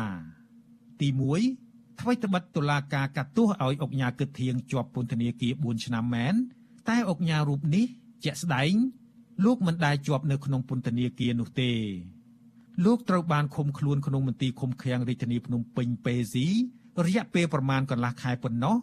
ក្រោយពេលសមត្ថកិច្ចចាប់ខ្លួនលោកក្នុងរយៈពេលជិត2ឆ្នាំដំបូងមុនសាលាឧទ្ធរសម្រាប់ព្យួរទោសនោះ លោកគិតធៀងត្រូវបានអនុញ្ញាតឲ្យរស់នៅយ៉ាងសុខស្រួលក្នុងបន្ទប់ VIP ម៉ាស៊ីនត្រជាក់ក្នុងមន្ទីរពេទ្យមិត្តភាពខ្មែរសូវៀតឬមន្ទីរពេទ្យរុស្ស៊ីឯណោះទី2បញ្ហាអនុវត្តច្បាប់រើសអើងស្តង់ដារ2ឬមិនស្មើគ្នាក្នុងសំណុំរឿងលោកគិតធៀងតែមួយក្រៅពីទណ្ឌិតគិតធៀងហើយនេះក៏មានជនជាប់ចោតប្រមាណ30នាក់ផ្សេងទៀតដែលត្រូវបានតុលាការផ្តន្ទាទោសហើយកំពុងជាប់ក្នុងពន្ធនាគារនៅឡើយ ពួកគេមិនទទួលបានការយកចិត្តទុកដាក់ពិសេសពីរដ្ឋអំណាចឲ្យរស់នៅក្នុងមន្ទីរពេទ្យអំឡុងពេលអនុវត្តទោសនិងមិនត្រូវបានសាលាឧទ្ធរសម្រេចឲ្យរួចខ្លួនតាមរយៈចេញសាលដីកាព្យួរទោសដោយអុកញ៉ាគិតធៀងនោះឡើយកម្ពុជាហាក់មានប្រព័ន្ធយុតិធធម៌ពីរក្នុងសង្គមតែមួយគឺអ្នកមានមាសប្រាក់មានអំណាចអធិបុលអាចរួចផុតពីសំណាញ់ច្បាប់រីឯក្រុមមនុស្សក្រខ្សត់គ្មានបាក់ពួកត្រូវស្ថិតក្នុងសំណាញ់ច្បាប់ ករណីអុកញ៉ាគិតធៀងមានទោសត្រូវដេកគុកតែបែរជាបានដេកនៅមន្ទីរពេទ្យវិញនេះក៏មានសំណុំរឿងជាច្រើនទៀតដែលអ្នកជាប់ឃុំឈឺពិតតែមិនត្រូវបានអនុញ្ញាតឲ្យសម្រាប់ព្យាបាលនៅមន្ទីរពេទ្យរហូតបណ្ដាលឲ្យអ្នកជំងឺស្លាប់ទៀតផងក៏មានឧទាហរណ៍ករណីទារិកាអាយុ5ខែម្នាក់ដែលជាប់ឃុំនៅគុកព្រៃសរជាមួយម្ដាយបានស្លាប់នៅមន្ទីរពេទ្យរុស្ស៊ីកាលពីថ្ងៃទី26ខែមករាឆ្នាំ2020ដំបូងឡើយ នៅពេលនាងត្រូវបានបញ្ជូនទៅមន្ទីរពេទ្យរុស្ស៊ីលើកទី1គ្រូពេទ្យរកឃើញថាទារិការូបនោះបាក់ឆ្អឹងផ្លូវម្ខាង ហើយក៏បញ្ជូននាងឲ្យទៅព្យាបាលនៅមន្ទីរពេទ្យកុមារជាតិដែលនៅទីនោះគ្រូពេទ្យបានមើលព្យាបាលប៉ុន្តែបដិសេធមិនទទួលឲ្យសម្រាប់ព្យាបាលនៅក្នុងមន្ទីរពេទ្យបើទោះជាមានការស្នើសុំពីបុគ្គលិកពន្ធនាគារក្តីដោយមន្ទីរពេទ្យសំអាងថាខ្វះក្រែទាំងម្ដាយទាំងកូន ត្រូវបានបញ្ជូនឲ្យទៅដេកក្នុងគុកវិញមួយសប្តាហ៍ក្រោយមកទារិកាធ្លាក់ខ្លួនឈឺធ្ងន់មន្ត្រីពន្ធនាគារបាននាំម្ដាយនិងកូនទៅមន្ទីរពេទ្យកុមារជាតិម្ដងទៀតគ្រូពេទ្យនៅទីនោះពិនិត្យមើលទារិកាមួយផ្លែតហើយណាត់ឲ្យមកជួបទៀតក្នុងរយៈពេល3សប្តាហ៍ដោយមិនទទួលឲ្យសម្រាកទៀតនៅថ្ងៃទី25មករាគណៈស្ថិតក្នុងគុកព្រៃសរទារិកាអាយុ5ខែនេះចាប់ផ្ដើមពិបាកដកដង្ហើមហើយបាត់បង់ស្មារតី គ្រូពេទ្យក្នុងពន្ធនាគារចាប់ផ្ដើមដាក់សារ៉ូមហើយនាំត្រឡប់ទៅមន្ទីរពេទ្យរុស្ស៊ីម្ដងនេះខាងមន្ទីរពេទ្យបានអនុញ្ញាតឲ្យទាំងម្ដាយទាំងកូន ស្នាក់នៅព្យាបាលទីនោះប៉ុន្តែជំងឺរបស់នាងបានឈានដល់ដំណាក់កាលធ្ងន់ធ្ងរទៅហើយនាងបានស្លាប់នៅថ្ងៃបន្ទាប់គឺថ្ងៃទី26មករាឆ្នាំ2020គ្រូពេទ្យមន្ទីរពេទ្យរុស្ស៊ីបញ្ជាក់ថាទារិកាអាយុ5ខែនេះស្លាប់ដោយសារជំងឺរលាកសួត និងខ្វះអាហារូបត្ថម្ភធ្ងន់ធ្ងរទារិកាអាយុ5ខែដែលស្លាប់នេះនាងរស់នៅក្នុងគុកជាមួយម្ដាយរបស់នាង ដែលរងចាំការជំនុំជម្រះក្តីតាំងពីពាក់កណ្ដាលឆ្នាំ2019ជាប់ចោទពីបទកាន់កាប់ថ្នាំញៀនមេតាមហ្វេតាមីនមួយកញ្ចប់តូច ដែលមានតម្លៃស្មើនឹង10000រៀលឬ2ដុល្លារ5កាក់បើប្រៀបធៀបជាមួយសំណុំរឿងគ្រឿងញៀនជិត50គីឡូក្រាមរបស់អុកញ៉ាគិតធៀងខុសគ្នាដូចមេឃនឹងដី ទាំងបទល្មើសទាំងស្ថានទម្ងន់ទោសប៉ុន្តែបែរជាអុកញ៉ារូបនេះអាចរស់នៅក្រៅពន្ធនាគាររីឯទីរក់អាយុ5ខែ ខ្វះការយកចិត្តទុកដាក់ពីរដ្ឋអំណាចទៅវិញករណីតុលាការយកចិត្តទុកដាក់ពិសេសដល់អ្នកមានលុយអ្នកមានអំណាច តែតឹងតែងចំពោះអ្នកក្រទុនខ្សោយ អ្នកគ្មានអំណាចគ្មានបពពួកនេះមិនមែនមានតែករណីអុកញ៉ាគិតធៀងម្នាក់ប៉ុណ្ណោះទេករណីលេចធ្លោស្រដៀងគ្នានេះមួយទៀត គឺសំណុំរឿងរបស់អុកញ៉ាថោងសារ៉ាត់អុកញ៉ាថោងសារ៉ាត់ត្រូវបានតុលាការក្រុងភ្នំពេញសម្រាប់ឃុំខ្លួននៅថ្ងៃទី17មេសាឆ្នាំ2015និងក្រោយមកផ្ដន្ទាទោសឲ្យជាប់ពន្ធនាគារអស់មួយជីវិតដោយជាប់ចោទពីបទឃាតកម្មកិត្តទុកជាមុនក្នុងសំណុំរឿងបាញ់សម្លាប់អុកញ៉ាអឹងមេងជឺដែលជាថៅកែស៊ីម៉ងត្បូងពេជ្រកាលពីថ្ងៃទី22ខែវិច្ឆិកាឆ្នាំ2014ថ្មីត្បិតមានទោសឧក្រិដ្ឋ ហើយត្រូវបានកាត់ទោសឲ្យជាប់ពន្ធនាគារអស់មួយជីវិតក៏ដោយក៏ភាកច្រើនបំផុតនៃពេលវេលាអនុវត្តទោសពីពេលចាប់ខ្លួនក្នុងខែមេសាឆ្នាំ2015រហូតដល់ដើមខែវិច្ឆិកាឆ្នាំ2019លោកថៅសារ៉ាត់មិនបានរស់នៅក្នុងពន្ធនាគារទេលោកទទួលបានសិទ្ធិពិសេសឲ្យរស់នៅក្នុងមន្ទីរពេទ្យរុស្ស៊ីក្នុងបន្ទប់ម៉ាស៊ីនត្រជាក់ស្ថិតនៅក្បែរខុនដូកំពុងសាងសង់របស់លោករហូតដល់ខែមេសាឆ្នាំ2017 នៅពេលដែលលោកបានផ្លាស់ប្ដូរទៅនៅមន្ទីរពេទ្យព្រះកុសមៈដែលមានបន្ទប់ឯកជនទំនើបផ្ទាល់ខ្លួនរស់យ៉ាងសុខស្រួលទៀតផងជាប់ទោសឧក្រិដ្ឋតែមានសេរីភាពរស់នៅក្រៅគុកប៉ុណ្ណេះហើយនៅមិនទាន់គ្រប់គ្រាន់ទេសម្រាប់អ្នកមានលុយមានអំណាចរូបនេះនៅថ្ងៃទី6ខែវិច្ឆិកាឆ្នាំ2019សាឡាអូតូបានជួយឲ្យលោកមានសេរីភាពឡើងវិញដោយបានដោះលែងលោកថោងសារ៉ាត់ឲ្យនៅក្រៅឃុំ ដោយសំអាងថាជនជាប់ចោតរូបនេះមានសុខភាពទ្រុឌទ្រោមនិងសំណុំរឿងមានភាពស្មុគស្មាញដែលត្រូវការស៊ើបអង្កេតបន្ថែម ការប្រើឆន្ទៈអនុគ្រោះសណ្ដោប្រណីរបស់តុលាការនេះកម្រអនុវត្តចំពោះសំណុំរឿងសកម្មជនការពារសិទ្ធិមនុស្សឬសកម្មជនតស៊ូមតិណាស់ជាក់ស្ដែងមេសហជីពលោករងឈុនដែលត្រូវបានតុលាការកាត់ទោសឲ្យជាប់ពន្ធនាគារ2ឆ្នាំ ដោយសារនិយាយពីបញ្ហាព្រំដែនកម្ពុជាវៀតណាមហើយបច្ចុប្បន្នមានជំងឺភ្នែកផងទៀតនោះក៏ធ្លាប់បានស្នើសុំតុលាការនៅក្រៅឃុំគណៈរងចាំការជំនុំជម្រះដែរតែតុលាការបដិសេធចំណែកអង្គញាថោងសារ៉ាត់និងអង្គញាកឹកធៀងដែលសុទ្ធតែមានទោសប្រមទ័នកម្រិតធ្ងន់ម្នាក់ពាក់ព័ន្ធនឹងបទល្មើសគ្រឿងញៀនឯម្នាក់ទៀតពាក់ព័ន្ធនឹងអំពើសម្លាប់មនុស្សតែពួកគេទាំងពីរនាក់មិនបានអនុវត្តទោសនៅក្នុងពន្ធនាគារ ដោយលោករងឈុនទេករណីរដ្ឋអំណាចនិងតុលាការអនុវត្តច្បាប់ស្តង់ដារ2ឬមិនស្មើភាពគ្នាក្នុងរឿងព្រហ្មទណ្ឌនេះនៅមានទៀតសំណុំរឿងលេចធ្លោមួយទៀតគឺករណីហិង្សាស្រោចទឹកអាស៊ីតលើតារាចម្រៀងខារ៉ាអូខេកញ្ញាតាតម៉ារីណាដែលជន់ល្មើសគឺលោកស្រីខួនសុផល និងប៉ាក់ពួកកាលពីឆ្នាំ1999នៅទីក្រុងភ្នំពេញព្រោះរឿងស្នេហាត្រីកោណ ផ្ទៃមុខស្រស់ផូផង់របស់កញ្ញាតាតម៉ារីណា ដែលពេលនោះមានវ័យ16ឆ្នាំត្រូវបំផ្លាញខ្ទេចខ្ទីទាំងស្រុងដោយទឹកអាស៊ីតក្រោមសម្ពាធរបស់មជ្ឈដ្ឋានជាតិនិងអន្តរជាតិជនល្មើសខួនសុផល ដែលត្រូវជាប្រពន្ធរបស់មន្ត្រីជាន់ខ្ពស់នៃទីស្តីការគណៈរដ្ឋមន្ត្រី គឺលោកស្វាយសិដ្ឋាត្រូវបានតុលាការក្រុងភ្នំពេញកាលពីចុងខែវិច្ឆិកាឆ្នាំ2000បើកសវនាការជំនុំជម្រះកម្បាំងមុខស្ងាត់ស្ងាត់ដោយគ្មានវត្តមានជនជាប់ចោតនិងជនរងគ្រោះ តុលាការពេលនោះបានសម្រេចផ្តន្ទាទោសជនល្មើសខុនសុផល រយៈពេល1ឆ្នាំ និងព្យួរទោសរយៈពេល5ឆ្នាំអតីតប្រធានតុលាការក្រុងភ្នំពេញលោកជីវកេងតាមកញ្ចក់ទូរទស្សន៍អប្សរានៅចុងឆ្នាំ2011ថ្លែងថា សមត្ថកិច្ចកម្ពុជាបានរកយុត្តិធម៌ជូនជនរងគ្រោះតាមផ្លូវច្បាប់រួចរាល់ហើយការវាយប្រហារដោយស្រោចទឹកអាស៊ីតប៉ុនប៉ងផ្ដាច់ជីវិតកញ្ញាតាតម៉ារីណា គឺជាបទល្មើសត្រៀមទុកជាមុននោះ ត្រូវបានអ្នកច្បាប់យល់ថាគួរតែជាបទល្មើសឧក្រិដ្ឋកម្រិតធ្ងន់ប៉ុន្តែតុលាការបានឲ្យលោកស្រីខួនសុផល មានទោសត្រឹមថ្នាក់មជ្ឈិមនិងកាត់ទោសឲ្យជាប់ពន្ធនាគារមួយឆ្នាំប៉ុណ្ណោះហើយទោសមួយឆ្នាំនោះទៀតសោតគឺជាការផ្ដន្ទាទោសបែបនិមិត្តរូបបែបសពនិមិត្តពីព្រោះជនល្មើសមិនបានអនុវត្តទោសនៅក្នុងពន្ធនាគារសូម្បីតែមួយថ្ងៃសាលក្រមព្យួរទោសនេះកម្រត្រូវបានតុលាការប្រើប្រាស់ទៅលើសំណុំរឿងអ្នកទោសនយោបាយ និងអ្នកទោសមនសិការដូចជាអ្នកការពារភូកទ្របជាតិជាដើមករណីសកម្មជនការពារបរិស្ថានកញ្ញាលងគុន្ធាជាឧទាហរណ៍ផ្ទុយគ្នាស្រឡះពីលោកស្រីខុនសុផលដែលបានប្រព្រឹត្តបទឧក្រិដ្ឋជាក់ស្ដែងកញ្ញាលងគុន្ធាឯនោះវិញពុំបានធ្វើសកម្មភាពហិង្សាអ្វីទាំងអស់ប៉ុន្តែនាងត្រូវបានតុលាការកាត់ទោសឲ្យជាប់ពន្ធនាគារជិត2ឆ្នាំ។កញ្ញាលងគុន្ធាត្រូវបានអាជ្ញាធរចាប់ខ្លួនមួយថ្ងៃបន្ទាប់ពីនាងប្រកាសថា នាងនឹងដើរម្នាក់ឯងពីវត្តភ្នំទៅផ្ទះលោកនាយករដ្ឋមន្ត្រីហ៊ុនសែនដើម្បីស្នើសុំលោកនាយករដ្ឋមន្ត្រីបញ្ឈប់ការលុបបង្កតមោកមិនទាន់ទាំងបានដើរផងអាជ្ញាធរបានចាប់កញ្ញាលងគុន្ធា និងសហការីរបស់នាងពីរនាក់ទៀតនៅថ្ងៃទី3កញ្ញា